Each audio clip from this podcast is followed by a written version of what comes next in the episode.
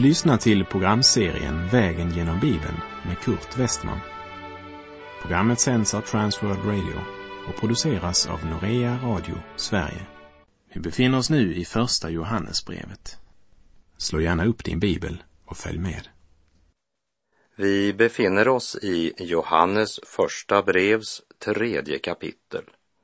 Och vi avslutade förra programmet med att Johannes avslöjade vad det betyder att synda när han sa Den som gör synd är av djävulen. Ty djävulen har syndat ända från begynnelsen. Och Guds son uppenbarades för att han skulle göra slut på djävulens gärningar. Till de troende i Rom skrev Paulus i Romarbrevet 8, verserna 5 till och med 9. Det som lever efter sin kötsliga natur tänker på det som hör till köttet, men det som lever efter anden tänker på det som hör till anden. Köttets sinne är död, men andens sinne är liv och frid. Köttets sinne är fiendskap mot Gud. Det underordnar sig inte Guds lag och kan det inte heller. Det som följer sin syndiga natur kan inte behaga Gud. Ni däremot lever inte efter köttet utan efter anden, eftersom Guds ande bor i er. Den som inte har Kristi ande tillhör inte honom. Jesus sa att Guds son uppenbarades för han skulle göra slut på djävulens gärningar. Och vi läser vidare i Johannes första brev kapitel 3, vers 9.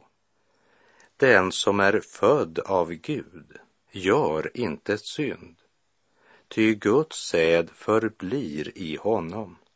Han kan inte synda eftersom han är född av Gud. Det är den helige Ande som genom ordet styr och leder den troende och ger honom kraft i kampen mot synden. Men vad betyder det när han säger att den som är född av Gud, han kan inte synda? Det betyder inte att han aldrig frestas av synden eller att han är syndfri. Men han kan inte ha synden som livselement.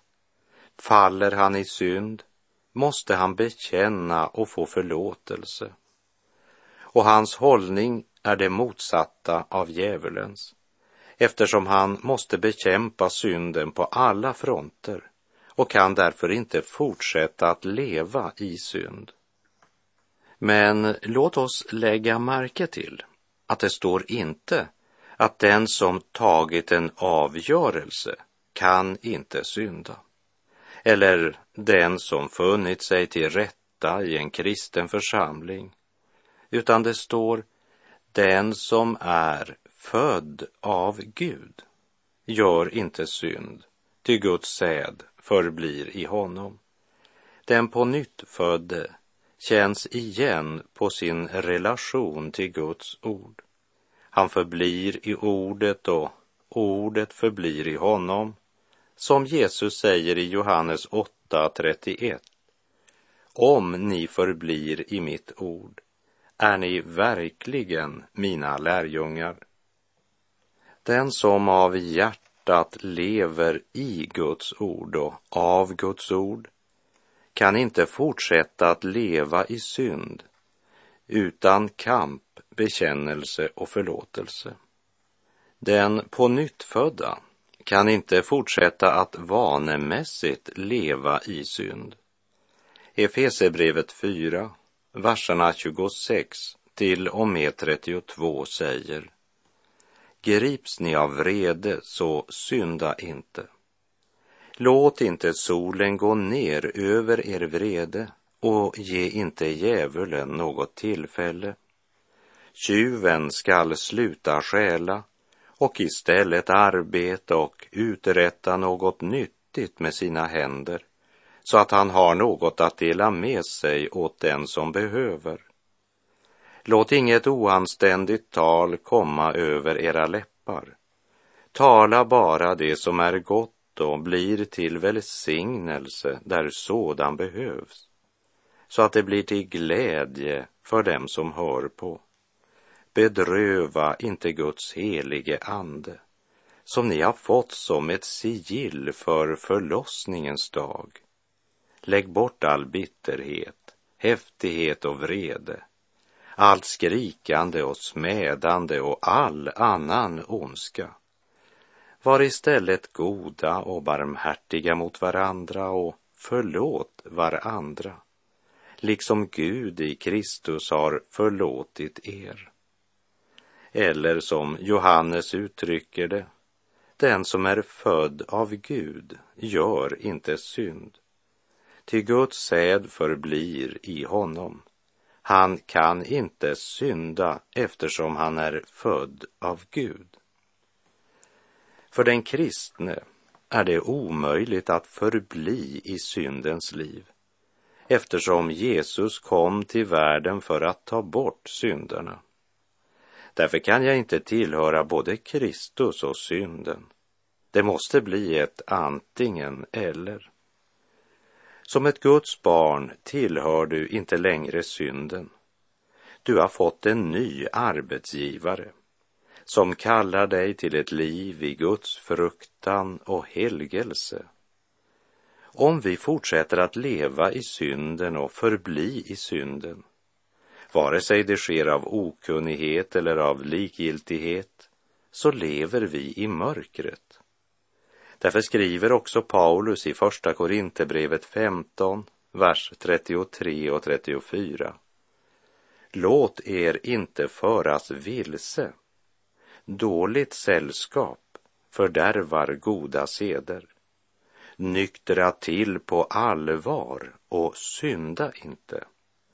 Några av er har ingen kunskap om Gud. Till er skam säger jag det. Vi läser Johannes första brev kapitel 3, vers 10. På samma sätt är det uppenbart vilka som är Guds barn och vilka som är djävulens barn. Den som inte gör det rätta är inte av Gud, ej heller den som inte älskar sin broder. Det är ganska starka ord. Johannes säger att det är uppenbart vilka som är djävulens barn och vilka som är Guds barn medan många idag säger att det kan man inte veta. Vad Johannes säger är att vi kan bara ha två olika hållningar när det gäller synden och världen. Vilket delar mänskligheten och säger att antingen är vi Guds barn eller också djävulens barn. Bibeln ger inget tredje alternativ. Det är inte sant som det ibland blir sagt att vi är alla bröder. Gud är alla människors skapare och Gud älskar alla människor. Men det är inte alla människor som har Gud till sin far. Därför förbjuder också Guds ord en troende att gifta sig med en icke-troende. I Andra Korinthierbrevet 6, vers 14 och 15 talar Paulus i klartext när han säger Gå inte som omaka par i ok med den som inte tror. Vad har väl rättfärdighet med orättfärdighet att göra? Eller vad har ljus gemensamt med mörker? Hur kan Kristus och Beliar komma överens? Eller vad kan den som tror dela med den som inte tror. Det var någon som sa att orsaken till att en kristen inte ska gifta sig med en som inte är ett Guds barn är att om du gifter in dig i djävulens familj får du problem med svärfar. För Guds barn är det Guds ande som blivit drivkraften som styr livet och formar vardagen. Därför säger också Paulus i Romarbrevet 8, verserna 14 till och med 16. Ty alla som drivs av Guds ande är Guds söner. Ni har inte fått slaveriets ande så att ni på nytt skulle leva i fruktan. Nej, ni har fått barnaskapets ande i vilken vi ropar Abba, fader. Anden själv vittnar med vår ande att vi är Guds barn.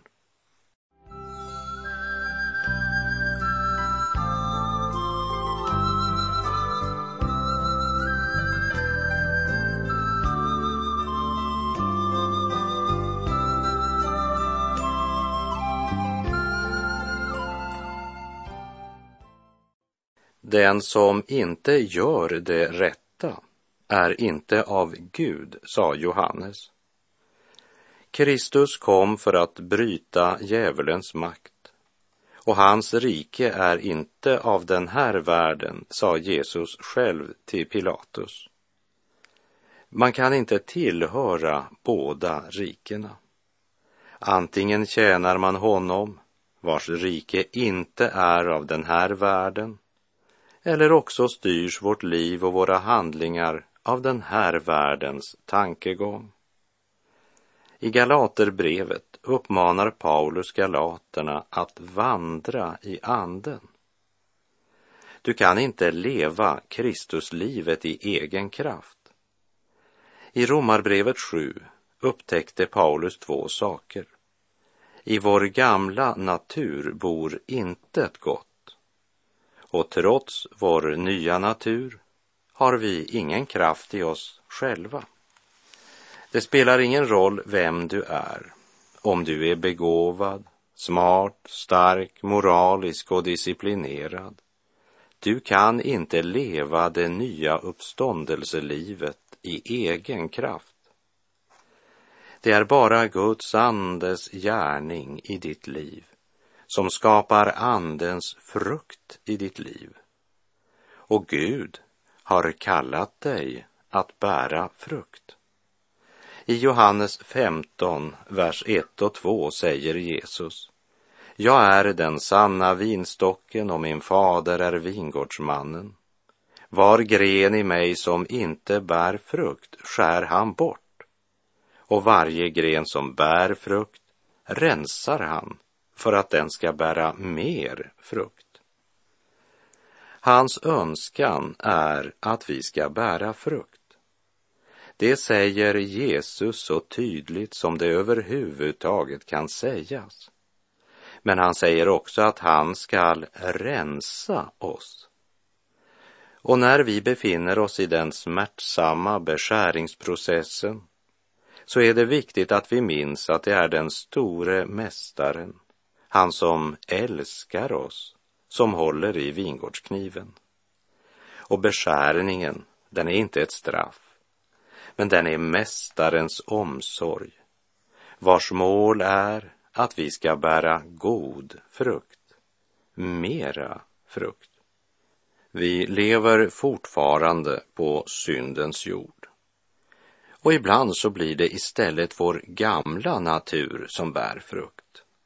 Det är det som kallas för köttets gärningar. Och de är allt annat än attraktiva och inget att skryta över. Jag citerar Efeserbrevet 5, verserna 11 till 15.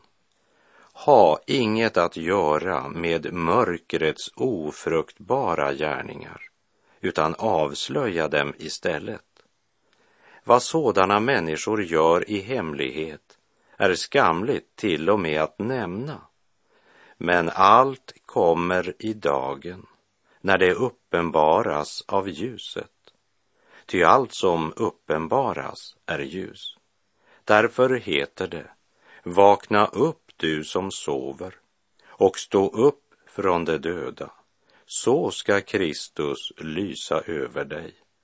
Se alltså noga till hur ni lever så att ni inte lever som ovisa människor utan som visa. I Matteus 7, vers 20 och 21 säger Jesus Alltså ska ni känna igen dem på deras frukt. Inte ska var och en som säger Herre, Herre till mig komma in i himmelriket, utan den som gör min himmelske faders vilja. Det var en Herrens tjänare som sa, det är inte min sak att döma dig. Jag är bara fruktinspektör. Som troende borde vi kunna finna lite frukt hos varandra, så sant inte vår tro bara är en inbildning och en andlig teori.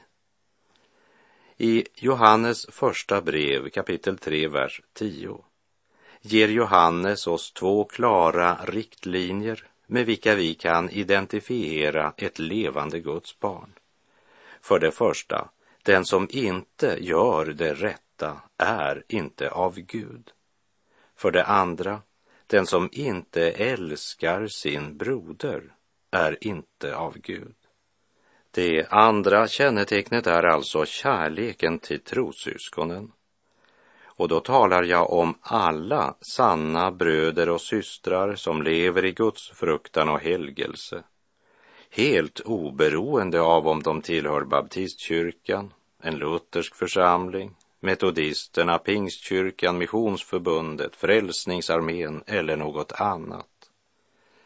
Men det är inte medlemskapet i en församling som gör oss till Guds barn men gemenskapen med den uppståndne. Förpliktelsen att göra det rätta och att älska bröderna. Det gäller alla som bekänner sig tillhöra Kristus. Inte ska var och en som säger Herre, Herre till mig komma in i himmelriket, utan den som gör min himmelske faders vilja, säger Jesus. Och om vi inte ska tro honom när det gäller den här saken, vem ska vi då tro på? Och när det gäller kärleken till våra trossyskon så är Guds krav verkligen mycket högt. Ordet kärlek, det återkommer om och om igen i det nya testamentet. Och innan vi går vidare så vill jag bara göra dig uppmärksam på att grekiskan har tre ord som vi på svenska översätter med kärlek. Det första ordet är eros. Det är aldrig använt i det nya testamentet. Det har att göra med sex och talar om erotik. Grekerna talade en hel del om sex och de hade en avgud som hette Eros och även gudinnan Afrodite. Och i tillbedjan av dessa gudar så ingick också sexuella riter och handlingar. Och jag poängterar än en gång att ordet Eros aldrig förekommer i det nya testamentet.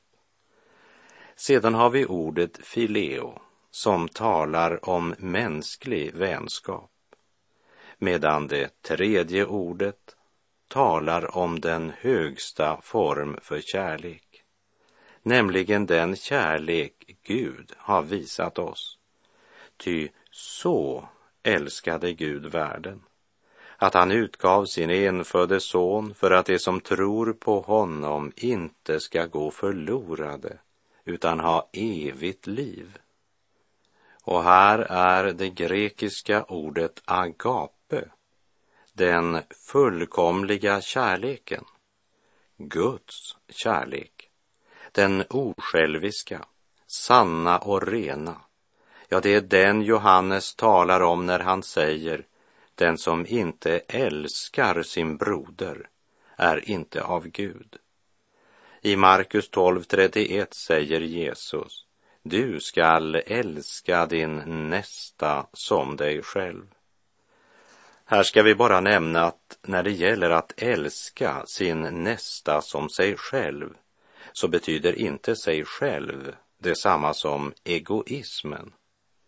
Den som inte är född på nytt kan varken älska sig själv eller älska sin nästa. Att älska sig själv i Guds mening, det är att alltid göra det som gagnar vårt eviga väl. Och det är den kärleken vi ska ha också för våra trossyskon. personlig omsorg. Var redo att räcka ut en hjälpande hand, men också redo att tillrättavisa i kärlek, varna och väcka, uppmuntra och glädja. Men ska vi vara ett ljus för andra så förutsätter det ju att vi själva lever i ljuset.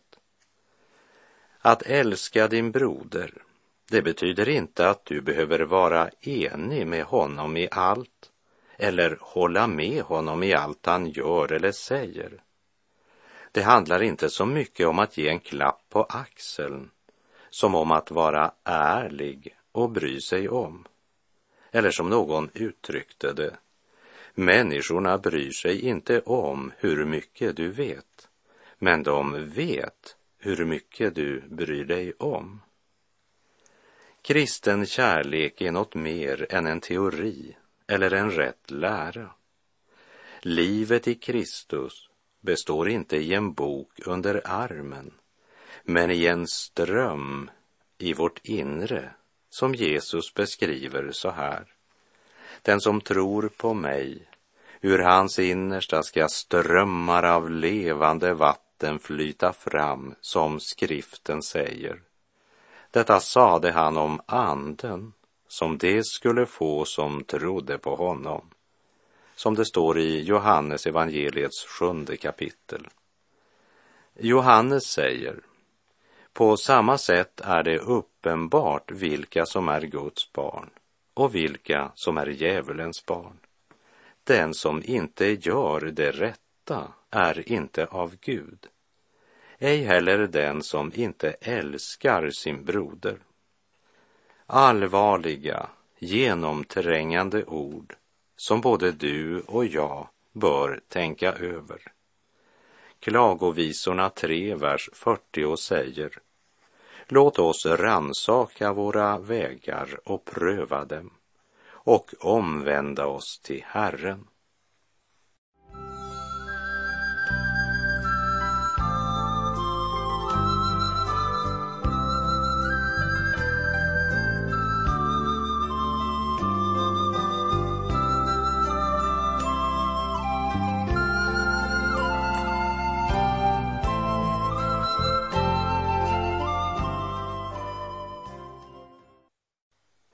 Orden om att göra det rätta och älska vår broder, det betyder inte att vi ska vara dumsnälla eller låta oss utnyttjas av alla och en var, eller att bara hålla med när vi inte är eniga. Det handlar inte om en kärlek som är som en söt sockerlösning vi häller ut över våra medmänniskor. Men det är en kärlek som är redo att dö för sanningen och som älskar Gud över allting, också över vår nästa. Gud över allting. Johannes varnar oss och säger att vi ska vara försiktiga och verkligen ha våra ögon öppna, men samtidigt ha hjärtat fullt av kärlek till våra trossyskon. Vi läser Johannes första brev kapitel 3, vers 11. Ty detta är det bud som ni har hört från början, att vi ska älska varandra och inte likna Kain, som var den ondes barn och mördade sin bror. Och varför mördade Kain honom? Jo, därför att hans gärningar var onda och hans brors var rättfärdiga. Johannes refererar ofta till det som var från begynnelsen. Och då är det inte skapelsens morgon han talar om, men Kristi inkarnation och det nya förbundet i hans blod. Det är mästaren han refererar till. Jesus hade ju i Johannes 13 verserna 34 och 35 sagt Ett nytt bud ger jag er, att ni ska älska varandra. Så som jag har älskat er ska också ni älska varandra. Om ni har kärlek till varandra skall alla förstå att ni är mina lärjungar. Från första början hade kärleken varit grundtonen. Men det var inte en kärlek som såg mellan fingrarna, utan det var agape, den gudomliga kärleken som Gud hade utöst i deras hjärtan. Paulus uttrycker det så här i Romarbrevet 5.5. Ty Guds kärlek är utgjuten i våra hjärtan genom den helige Ande som han har gett oss. Kains avund och missunnsamhet drev honom att mörda sin bror.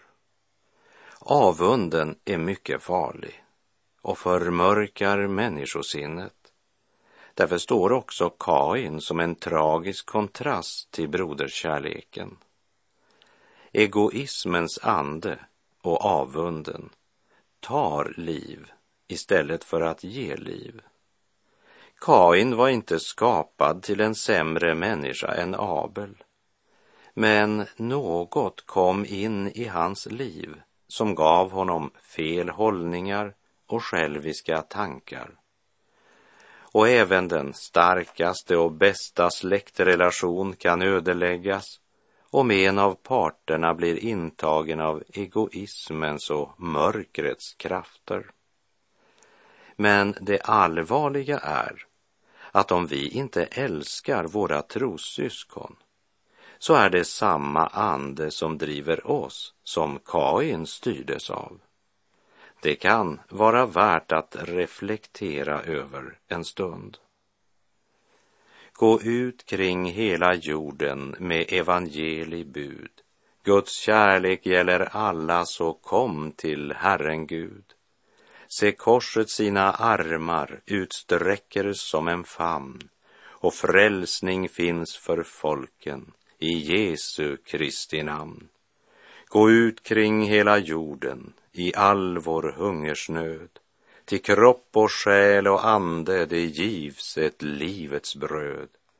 Var av Gud här nu vike. Guds ord, hans andes svärd, befäster nådens rike i ond och fallen värld. Guds son uppenbarades för att han skulle göra slut på djävulens gärningar. Och med det så är vår tid ute för den här gången. Jag säger på återhörande om du vill och om Herren ger oss båda en ny nådedag. Herren vare med dig. Må hans välsignelse vila över dig och må han få utgjuta sin kärlek i ditt hjärta. Gud är god.